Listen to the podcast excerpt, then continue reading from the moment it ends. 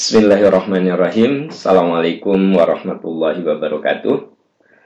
Alhamdulillahirabbil alamin. La ilaha illallah wahdahu la syarikalah.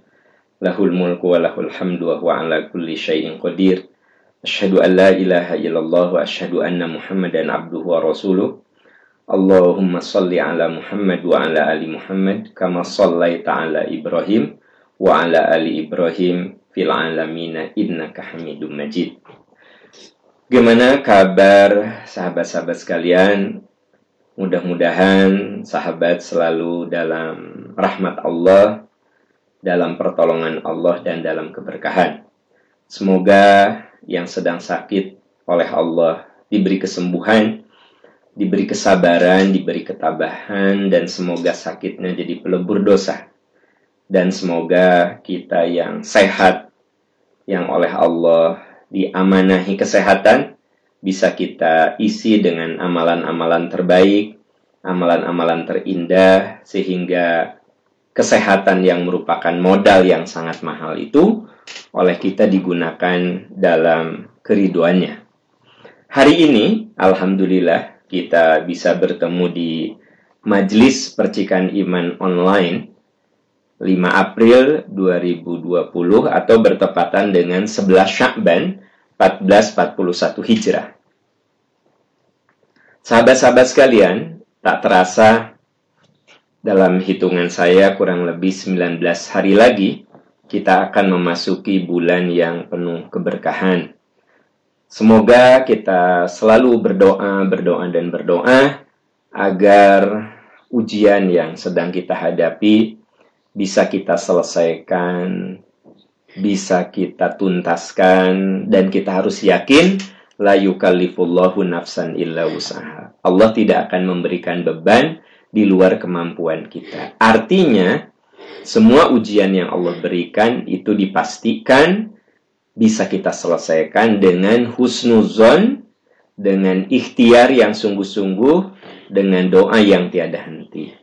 Nah, semoga dengan selesainya ujian Eh, COVID-19 ini nanti kita bisa bertemu lagi di Majelis Percikan Iman of Air.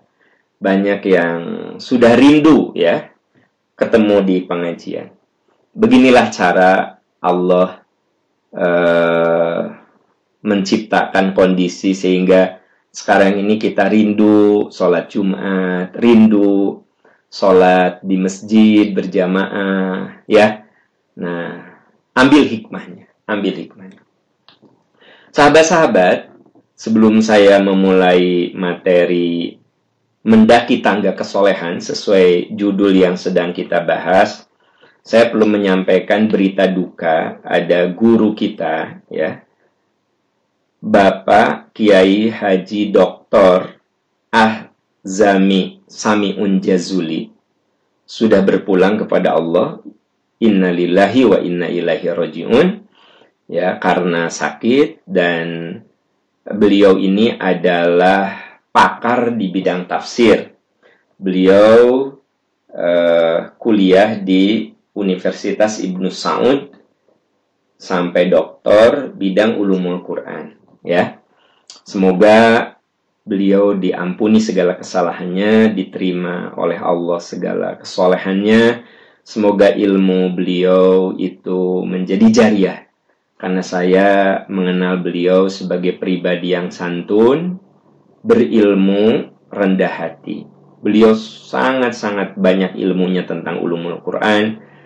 Uh, beliau rendah hati, lembut, tapi dalam prinsip beliau tegas. Semoga Allah menempatkan almarhum di tempat yang penuh kemuliaan. Bapak Dr.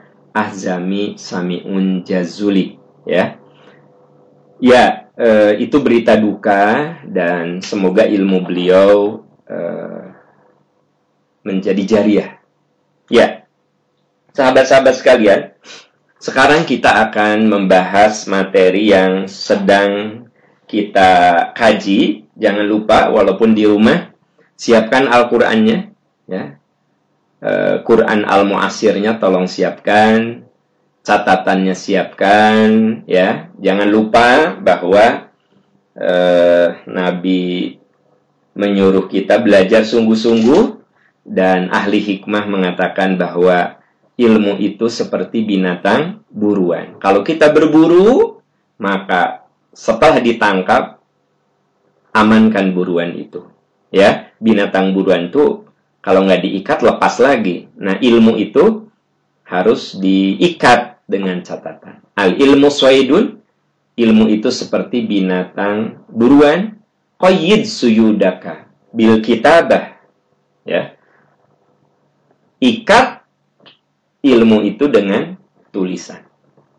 Ya sahabat-sahabat sekalian, eh, bagi Anda yang minggu lalu tidak mengikuti, ya, sebenarnya Anda bisa ikuti, bisa lihat di eh, channel Aam Amiruddin Channel.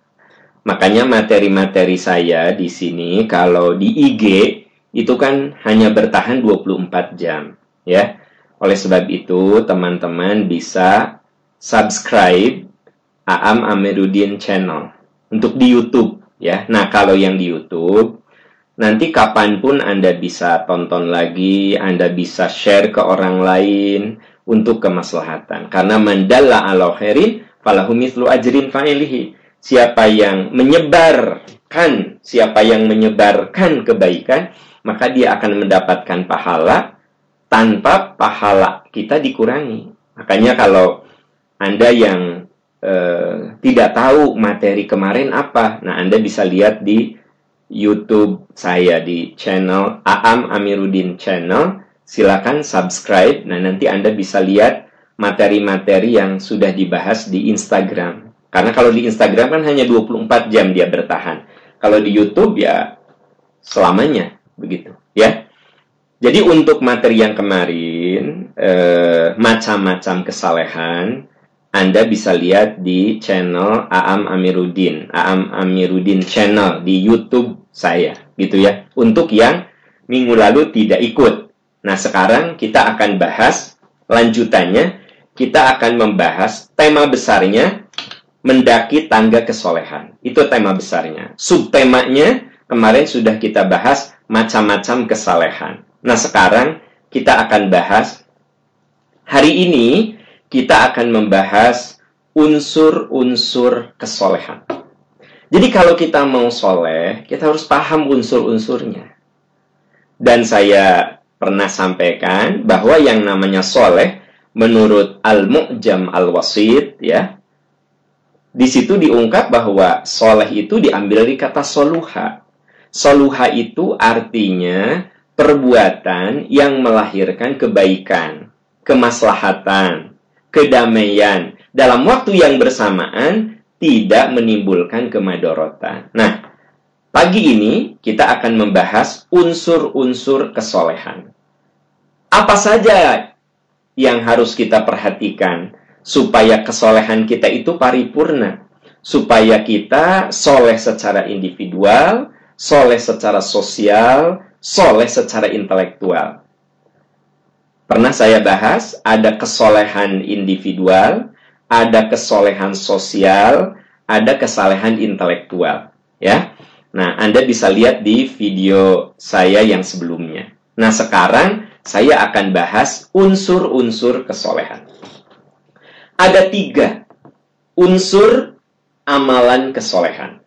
Ya, satu amalan kolbiah, dua amalan akliyah, tiga amalan jasadiah. Nah, tiga akan saya bahas.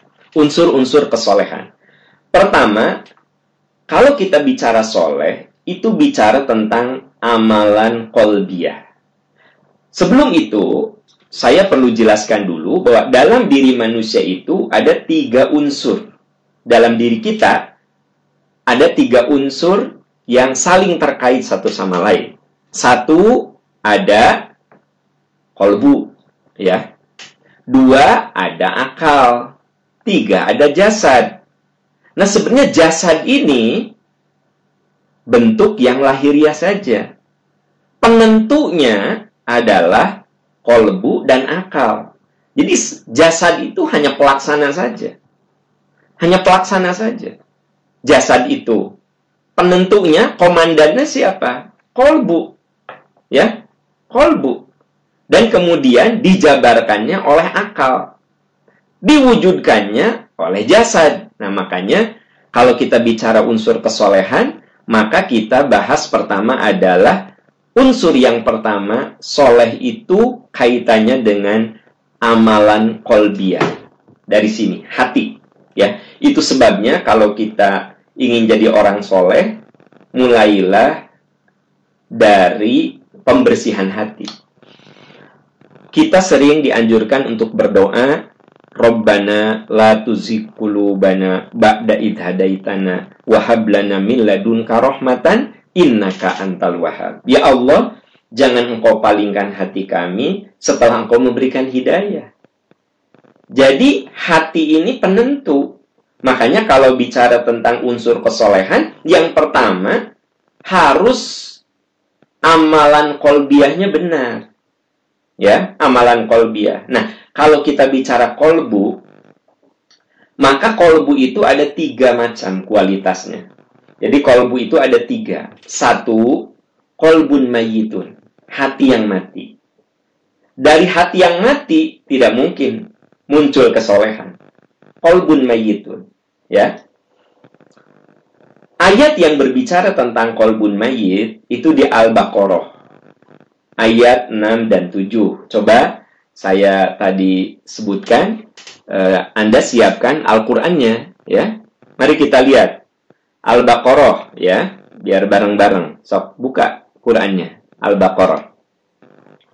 Saya yakin di antara Anda sudah banyak yang hafal, tapi tidak apa-apa. Kita sekalian tadarus. Coba Al-Qur'annya buka.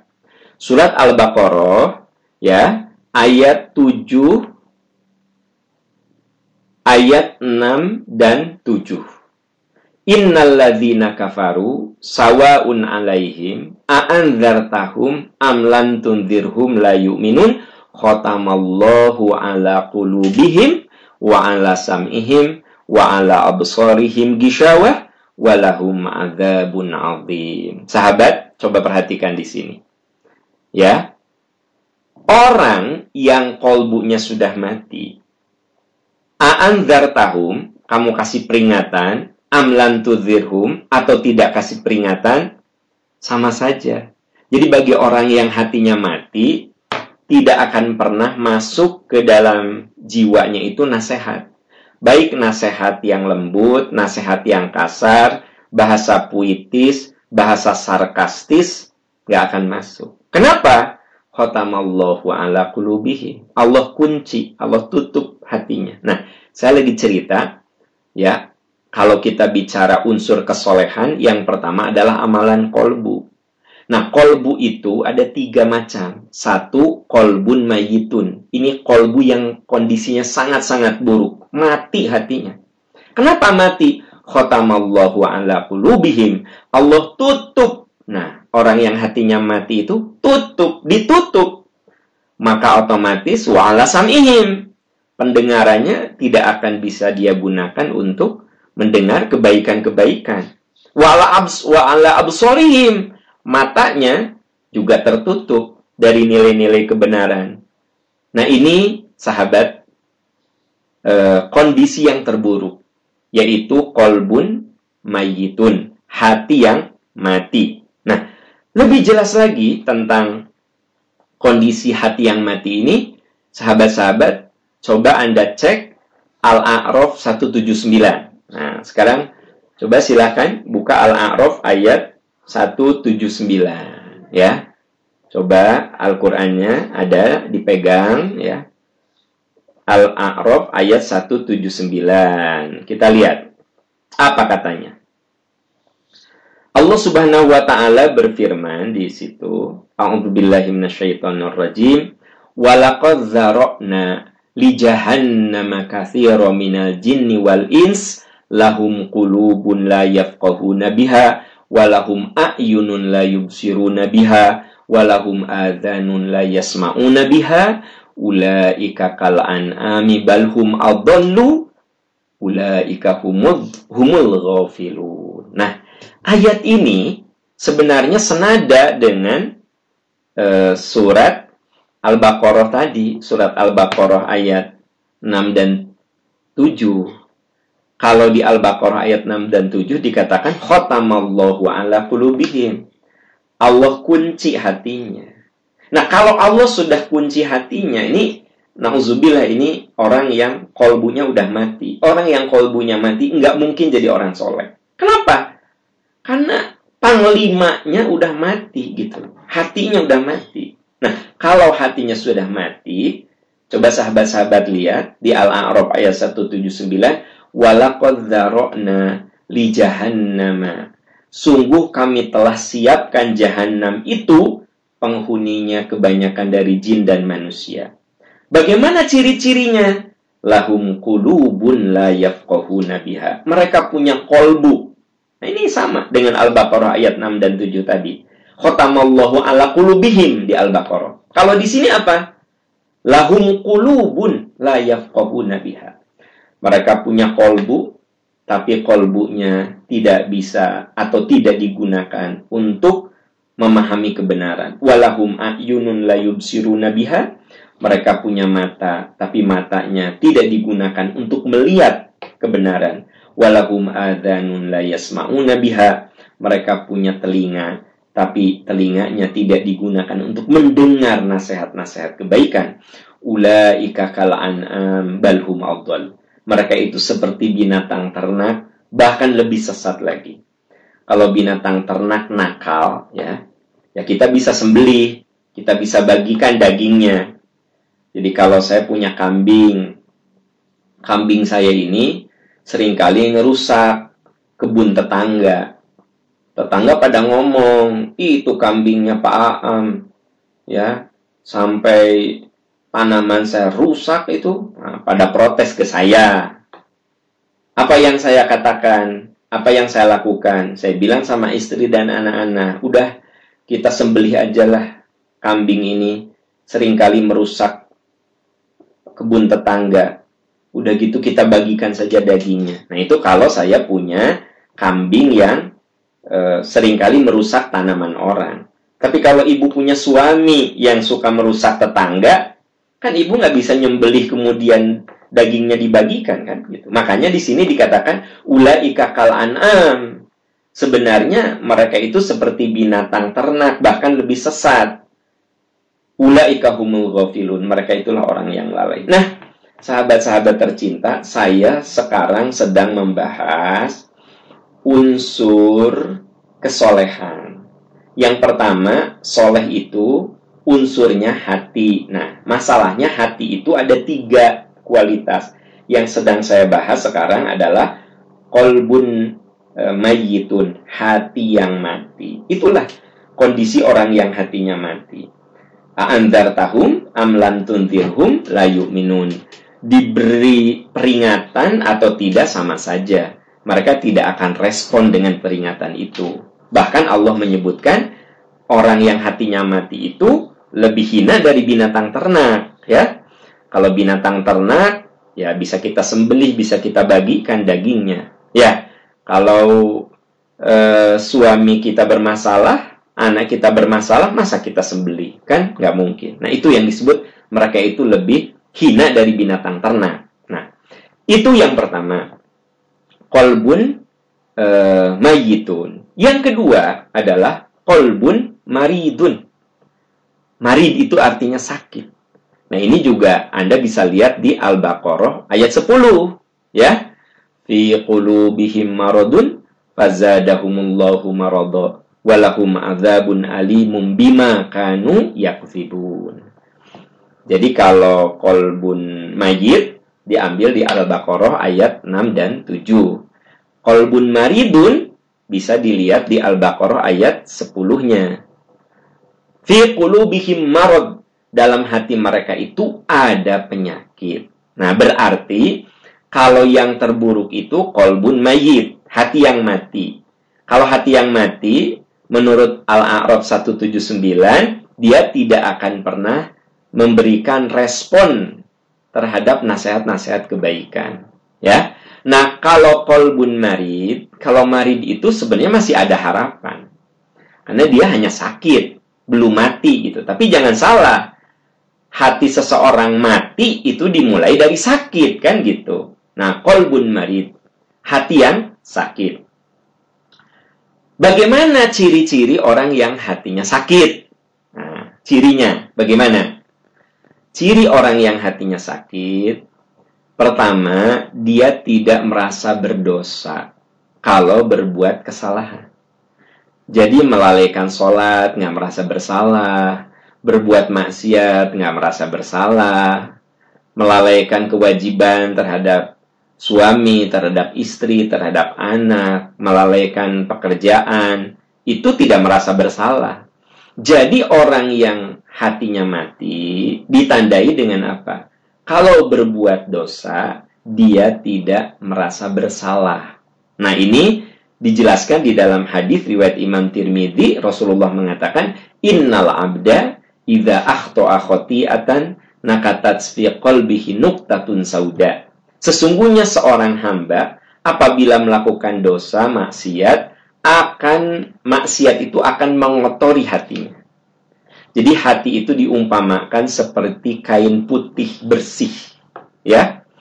Perbuatan dosa itu diumpamakan seperti noda.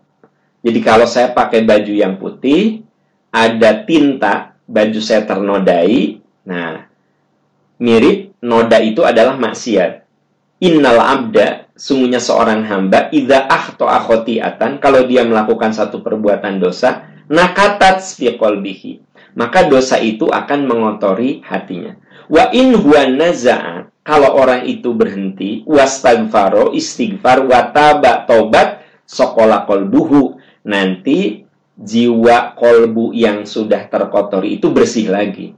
Jadi sahabat-sahabat ternyata eh, noda-noda maksiat itu bisa bersih lagi dengan berhenti dari dosa, istighfar dan tobat. Wa in ada, tapi kalau dia ulangi lagi, ulangi lagi, ulangi lagi, zida fiha. Maka dosa-dosa itu akan semakin mengotori, menodai jiwanya yang bersih. Tadi saya umpamakan, baju saya putih, kena noda, kena tinta, saya biarkan kena lagi, kena lagi, kena lagi, kena lagi. Akhirnya baju saya yang putih benar-benar sudah penuh dengan noda. Sehingga ketika ada noda lagi kena, sudah tak terlihat lagi karena sudah kotor bajunya. Nah, orang kalau melakukan satu dosa, segera istighfar dan tobat, bersih lagi. Tapi wa'in ada zida fiha kalau dia ulangi, dia ulangi, dia ulangi, bertambah, bertambah, bertambah, hatta taklu. Akhirnya yang terjadi apa? Kolbunya tertutup. Jadi sahabat, kolbu manusia itu aslinya bersih. Aslinya itu bersih. Kullu mauludin yuladu alal fitrah. Setiap manusia itu lahir suci. Lalu jiwa kita, kolbu kita itu menjadi kotor karena maksiat yang kita lakukan. Dia ulangi, dia ulangi. Hal ini dijelaskan di dalam surat Al-Mutaffifin. Sahabat coba lihat di rumah, di Qur'annya, surat Al-Mutaffifin, surat ke-83, ya, ayat 14 sampai 16. Coba cek. Surat Al-Mutaffifin ayat 14 sampai 16. Kalla balarona ala qulubihim ma kanu yaksibun. Sungguh ya apa yang sudah dilakukannya itu, dosa-dosa yang sudah dikerjakannya itu, rona, menutupi. Jadi, kala balarona, sungguh perbuatan-perbuatan dosa itu akan menutupi. Nah, jadi ayat ini menguatkan uh, keterangan atau ilustrasi dari Rasul yang mengatakan bahwa dosa itu seperti noda yang kena pada jiwa kita yang bersih. Kalau diulang, diulang, diulang, hatta taklu. Akhirnya menutupi kolbunya. Nah, kalau sudah begitu, kolbu kita, na'udzubillah, bisa sampai akhirnya mati gitu. Kan saya lagi cerita, kualitas kolbu yang kedua adalah kolbun marid, hati yang sakit. Ya, Nah, ciri orang yang hatinya sakit, perbuatan dosa itu, dia tidak merasa bersalah, kalau berbuat dosa. Tidak merasa bersalah. Apa yang terjadi? Dia ulangi, dia ulangi, dia ulangi. Akhirnya lama-lama kolbunya mati gitu. Nah, kemudian yang harus diwaspadai uh, ciri hati kita sakit tadi yang pertama meremehkan dosa ya menganggap sepele dengan dosa dan maksiat akhirnya diulang-ulang yang kedua ini ada penjelasannya di surat Al-Ma'arij coba anda lihat di surat Al-Ma'arij ayat 21 sampai 23 di antara orang ciri orang yang hatinya sakit adalah innal insana khuliqa halua masahu syarru jazua wa idza masahul khairu manua illal musallin. Nah, coba Anda lihat surat Al-Ma'arij ya. Surat ke eh, berapa? Ke 70. Coba yang di rumah cek, di rumah cek. Kita bareng-bareng biar biar serasa eh, belajar langsung ya. Surat ke-70, coba Anda lihat ayat eh, 19 ya. Coba Anda lihat surat 19. Ayat 19. Surat ke-70, surat Al-Ma'arij, surat ke-70, ayat 19 sampai 23. Innal insana khuliqa. Sesungguhnya manusia tercipta keluh kesah. Nah, hati-hati sahabat-sahabat. Kalau kita sering mengeluh gitu ya. Duh istri saya teh kayak begini, duh suami saya teh kayak begini, duh anak saya teh kayak begini. Ngeluh gitu, ngeluh, ngeluh. Hentikan mengeluh. Kenapa? Karena mengeluh itu salah satu hati kita sakit gitu. Sebenarnya kan kita jangan mengeluh kegelapan. Cari lilin, nyalakan lilin, bener nggak? Begitu. Ini gelap, gelap, gelap. Nah, orang yang suka ngeluh itu, dia bukan cari solusi. Dia cuma bilang, ya, aduh, ini gelap gini, gelap gini. Ya, cari lilin dong. Nyalakan lilin. Ya, nah jadi kita ini dalam hidup jangan terlalu banyak mengeluh. Duh, suami saya teh pelit. Ya udah, terima saja. Kan itu pilihan Anda. Ya, aduh istri saya teh menikah rewet pisan ya udah terima saja jangan banyak mengeluh gimana caranya menyelesaikan uh, persoalan yang dihadapi karena mengeluh itu ciri kolbu kita sakit innal insana khuliqa halua mengeluh idza masya idza masahu syarru jazua ditimpa sulit gampang putus asa jadi orangnya itu lemah gampang putus asa Wa idza masahul khairu manua. Tapi sekalinya dia mendapatkan kenikmatan, lupa diri. Jadi ada orang yang kalau dapat nikmat lupa diri dia. Kalau dapat kesulitan, putus asa. Tiap hari ngeluh. Ya, gitu. Aduh, kenapa sih ayat 87 sampai 90 surat Asy-Syu'ara ya. Anda cek. Di situ ada doa Nabi Ibrahim, wala tuhzini yauma yub'atsun yauma la yanfa'u malun wala banun illa man atallaha biqalbin salim. Ya Allah, jangan hinakan saya pada hari dibangkitkan. Yauma la yanfa'u malun. Pada hari di mana harta dan anak tidak berguna. Jadi sahabat, nanti ada saat seluruh simbol yang sering kita agungkan itu nggak guna. Biasanya orang kan eh, apa bangga dengan simbol harta, dengan simbol kesuksesan duniawi, kedudukan, jabatan, ilmu, ya kan? Gitu. Nah, Nabi Ibrahim mengatakan, "Wala tuhzin yauma yub'atsun." Ya Allah, jangan hinakan saya pada hari di mana layan fa'umalun wala banun. Simbol-simbol kemuliaan tidak berguna. Tidak berguna lagi Ilaman atallaha biqalbin salim. Kecuali kalau saya menghadap engkau dengan hati yang salim, yang sehat. Nah, sahabat tercinta, jelas di sini bahwa yang akan membuat kita soleh itu kalau kolbu kita salim. Mulai dari sini, dari kolbu. Sebab begitu kolbu kita salim, sehat, bersih, apa yang terjadi? nanti akan berimbas pada amalan-amalan lain. Amalan akal, amalan jasad. Mulainya dari apa? Dari hati.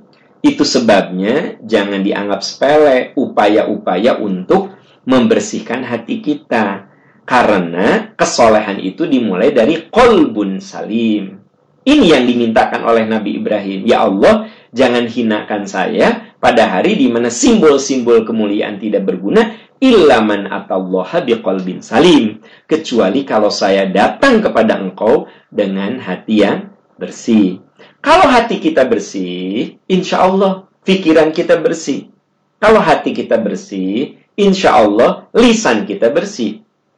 Kalau Anda, kita menemukan orang yang suka gosip, itu gambaran hatinya busuk. Ya nggak sih? Kalau saya menggosipkan orang, itu gambaran hati saya busuk. Kenapa? Karena gosip itu hanya keluar dari hati yang busuk gitu. Kalau saya senang gitu memamerkan aib orang lain, itu gambaran emang hati saya busuk gitu. Ya. Jadi kalau saya menghinakan orang kan hati saya busuk. Kalau saya ngegosipin orang karena hati saya busuk, ya kan? Gitu. Kalau saya suudon sama orang karena hati saya busuk. Ya kan? Nah, jadi kalau kita lihat perilaku-perilaku buruk emang mulainya dari hati gitu kalau orang menyinggung perasaan saya, saya tidak memaafkan dia karena hati saya busuk, ya.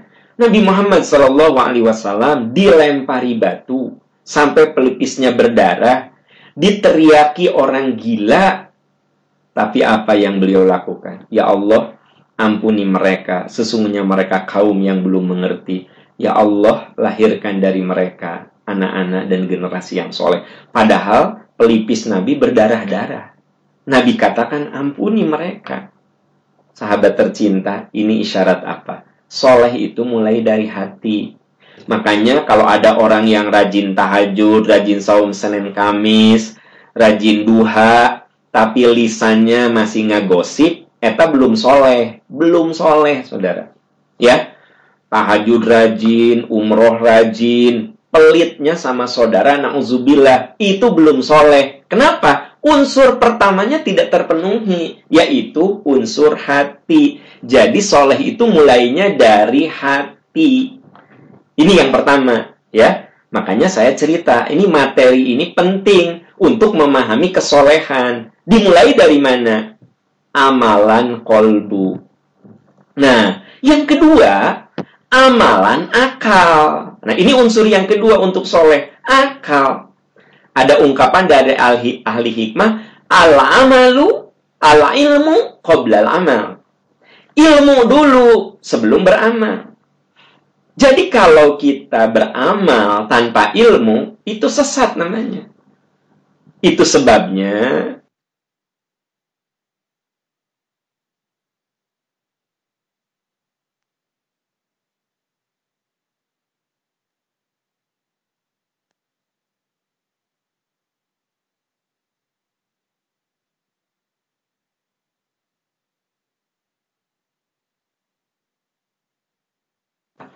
Iqra bismi rabbikal ladzi khalaq. Baca dengan nama Tuhanmu yang telah menciptakan.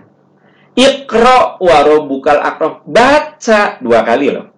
Iqra bismi rabbikal ladzi khalaq khalaqal insana min 'alaq. Iqra wa suruh bacanya dua kali. Artinya membaca itu belajar itu nggak bisa sekali. Belajar itu harus belajar lagi, belajar lagi, belajar lagi. Makanya ada search, ada research. Ya, dalam bahasa Inggris itu disebut research. Karena yang namanya ilmu itu bukan hanya search, tapi apa? Research. Diulangi lagi, diulangi. Makanya disebutnya research. Ya, riset di Indonesia kan. Riset. Research itu kan search, lalu ada re. Artinya berulang. Search, research. Ilmu itu seperti tadi, sahabat-sahabat sekalian. Nggak bisa kita belajar cuma sekali. Kudu rutin, kudu konsisten. Dan kalau Anda melihat orang yang berilmu, dia belajarnya lama.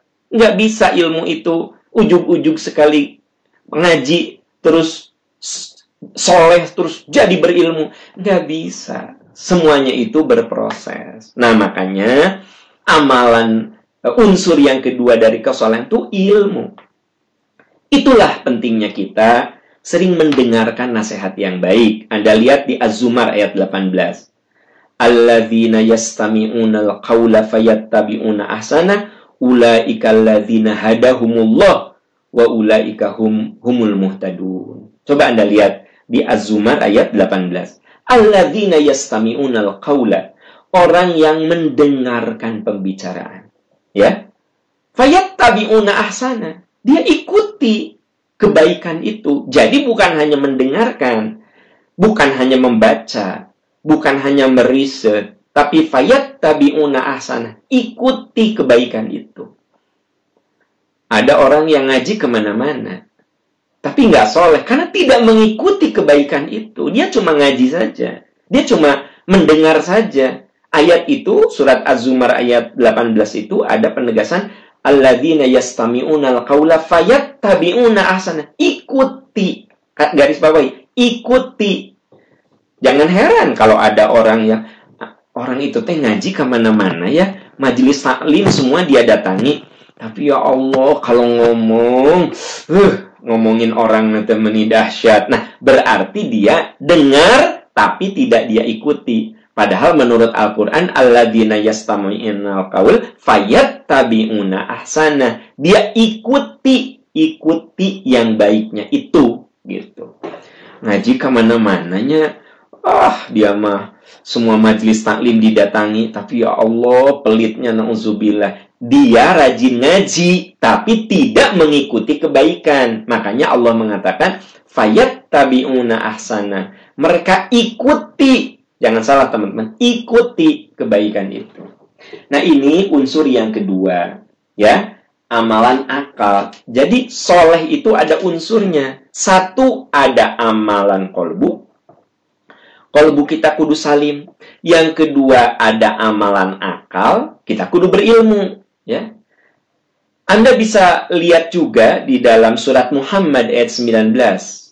Ya, Fa'lam annahu la ilaha illallah wastaghfir lidzanbika walil mu'minina wal mu'minat wallahu ya'lamu mutaqallabakum wa mathwakum.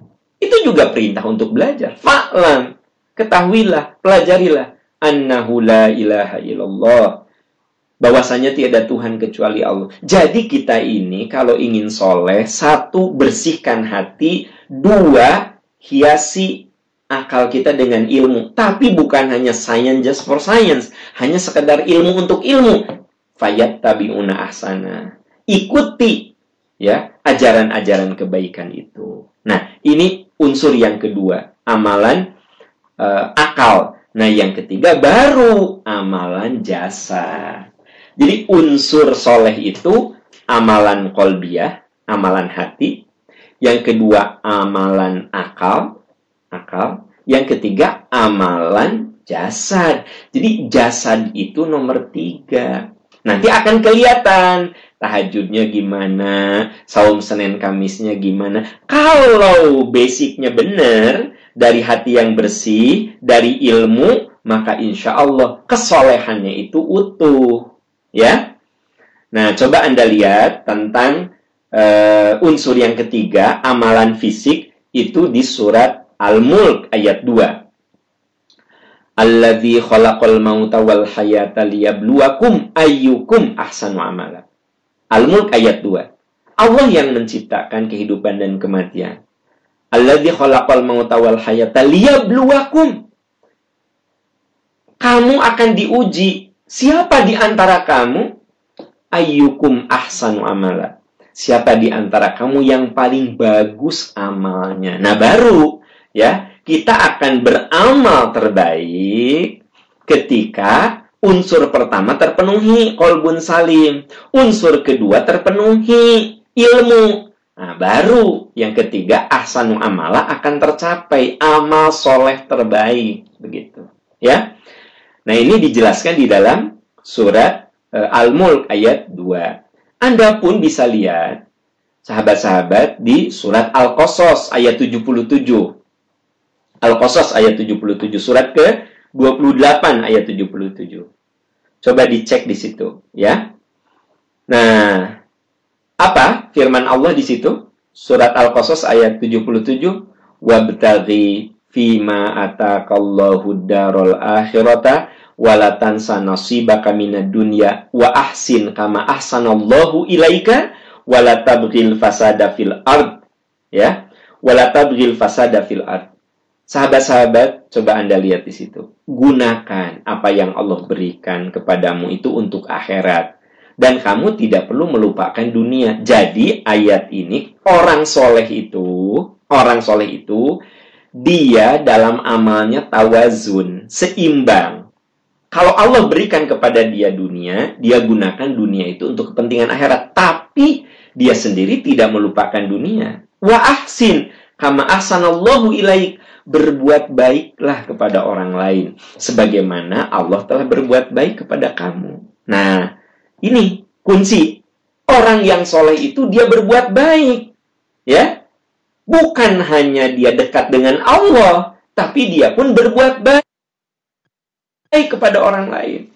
Wala fasada fil ard dan jangan membuat kerusakan di muka bumi. Innallaha la yuhibbul mufsidin. Allah tidak menyukai orang-orang yang berbuat kerusakan. Nah, baru ini akan kelihatan sahabat-sahabat tercinta kesolehan yang sesungguhnya. Bagaimana kesolehan yang sesungguhnya? Ketika Allah memberikan dunia, dia gunakan dunia untuk akhirat. Tapi dia pun menikmati dunia. Itu hidup yang tawazun, yang berkeseimbangan. Terus apa? dan dia selalu berbuat baik. Wa ahsin kama ahsanallahu ilaik. Berbuat baiklah sebagaimana Allah telah berbuat baik pada dirimu. Dan jangan kamu membuat kerusakan. Allah tidak suka terhadap orang-orang yang berbuat kerusakan. Nah, ini dikuatkan lagi di ayat 84-nya, Al-Qasas. Ya, coba sahabat-sahabat lihat. Manja abil hasanati falahu khairum minha.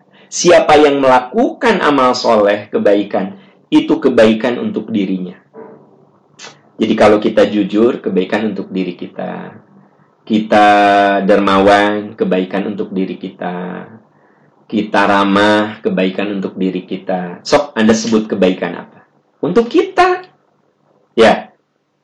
Saya disiplin dalam bekerja bukan untuk perusahaan, untuk kebaikan saya. Minimal saya punya report, punya reputasi bagus. Gitu. Ya. Coba sahabat sebutkan kebaikan apa yang Anda lakukan untuk Anda. Wa man hasanati, siapa yang melakukan satu kebaikan, falahu khairu minha. Itu baik untuknya. Jadi ketika kita jujur, bukan untuk orang, untuk diri kita. Ya nggak sih? Ketika kita disiplin, bukan untuk orang, untuk diri kita. Ketika kita selalu bersih-bersih diri, menjaga kebersihan, bukan untuk orang, untuk diri kita. Ini rumus yang sangat indah. Jadi soleh itu bukan untuk orang lain ujung-ujungnya. Ya untuk diri kita. Wa manja abil manja abil hasanati falahu khairu minha. Wa manja abis sayiati fala yudzal ladzina amilus sayiat illa makanu ya'malun. Dan kalau orang itu berbuat buruk, orang tidak akan diberi balasan kecuali atas keburukan yang pernah dia lakukan. Sungguh indah ajaran agama itu. Sungguh indah. Kalau kita faham unsur-unsurnya. Ya, kita faham unsur-unsurnya. Jadi sahabat-sahabat tercinta, tidak mungkin kesolehan terjadi kecuali tiga unsur itu terpenuhi. Satu amalan kolbiah, kolbunya harus bersih. Yang kedua harus dasarnya ilmu. Ala ilmu qoblal amal, berilmu sebelum beramal. Dan yang ketiga, ketika basicnya kolbun salim, hati yang bersih, basicnya ilmu, maka lahir amalan fisik soleh yang sesungguhnya. Nah, sekarang sudah terjawab bahwa ternyata kalau ada orang yang rajin tahajud, rajin saum Senin Kemis, tapi tidak dermawan, tapi masih suka ngegosip, ini ada something wrong di unsur kesolehannya. Gitu. Berarti unsur kesolehannya bermasalah. Dia cuma melihat soleh itu dari sisi lahiriah fisik. Padahal soleh itu harus tiga unsur di dalamnya ada kolbun salim, hati yang bersih, yang sehat, ya. Kemudian harus atas dasar ilmu amalnya, ala ilmu qoblal amal, dan baru yang ketiga adalah in ahsantum, ahsantum li anfusikum. Beramallah yang lahiriah, yang terukur, yang terlihat, dan kebaikannya itu bukan untuk siapa-siapa, untuk diri kita sendiri. Nah, sahabat tercinta, Itulah unsur-unsur kesolehan. Fahami unsur-unsur kesolehan ini, insya Allah kita akan bisa menjadi orang yang soleh secara paripurna. Ya, itu sahabat tercinta yang bisa kita bahas di majelis percikan iman online. Sudah 50 menit kita lewati ya. Materi ini eh, akan ada terus di Instagram saya selama 24 jam.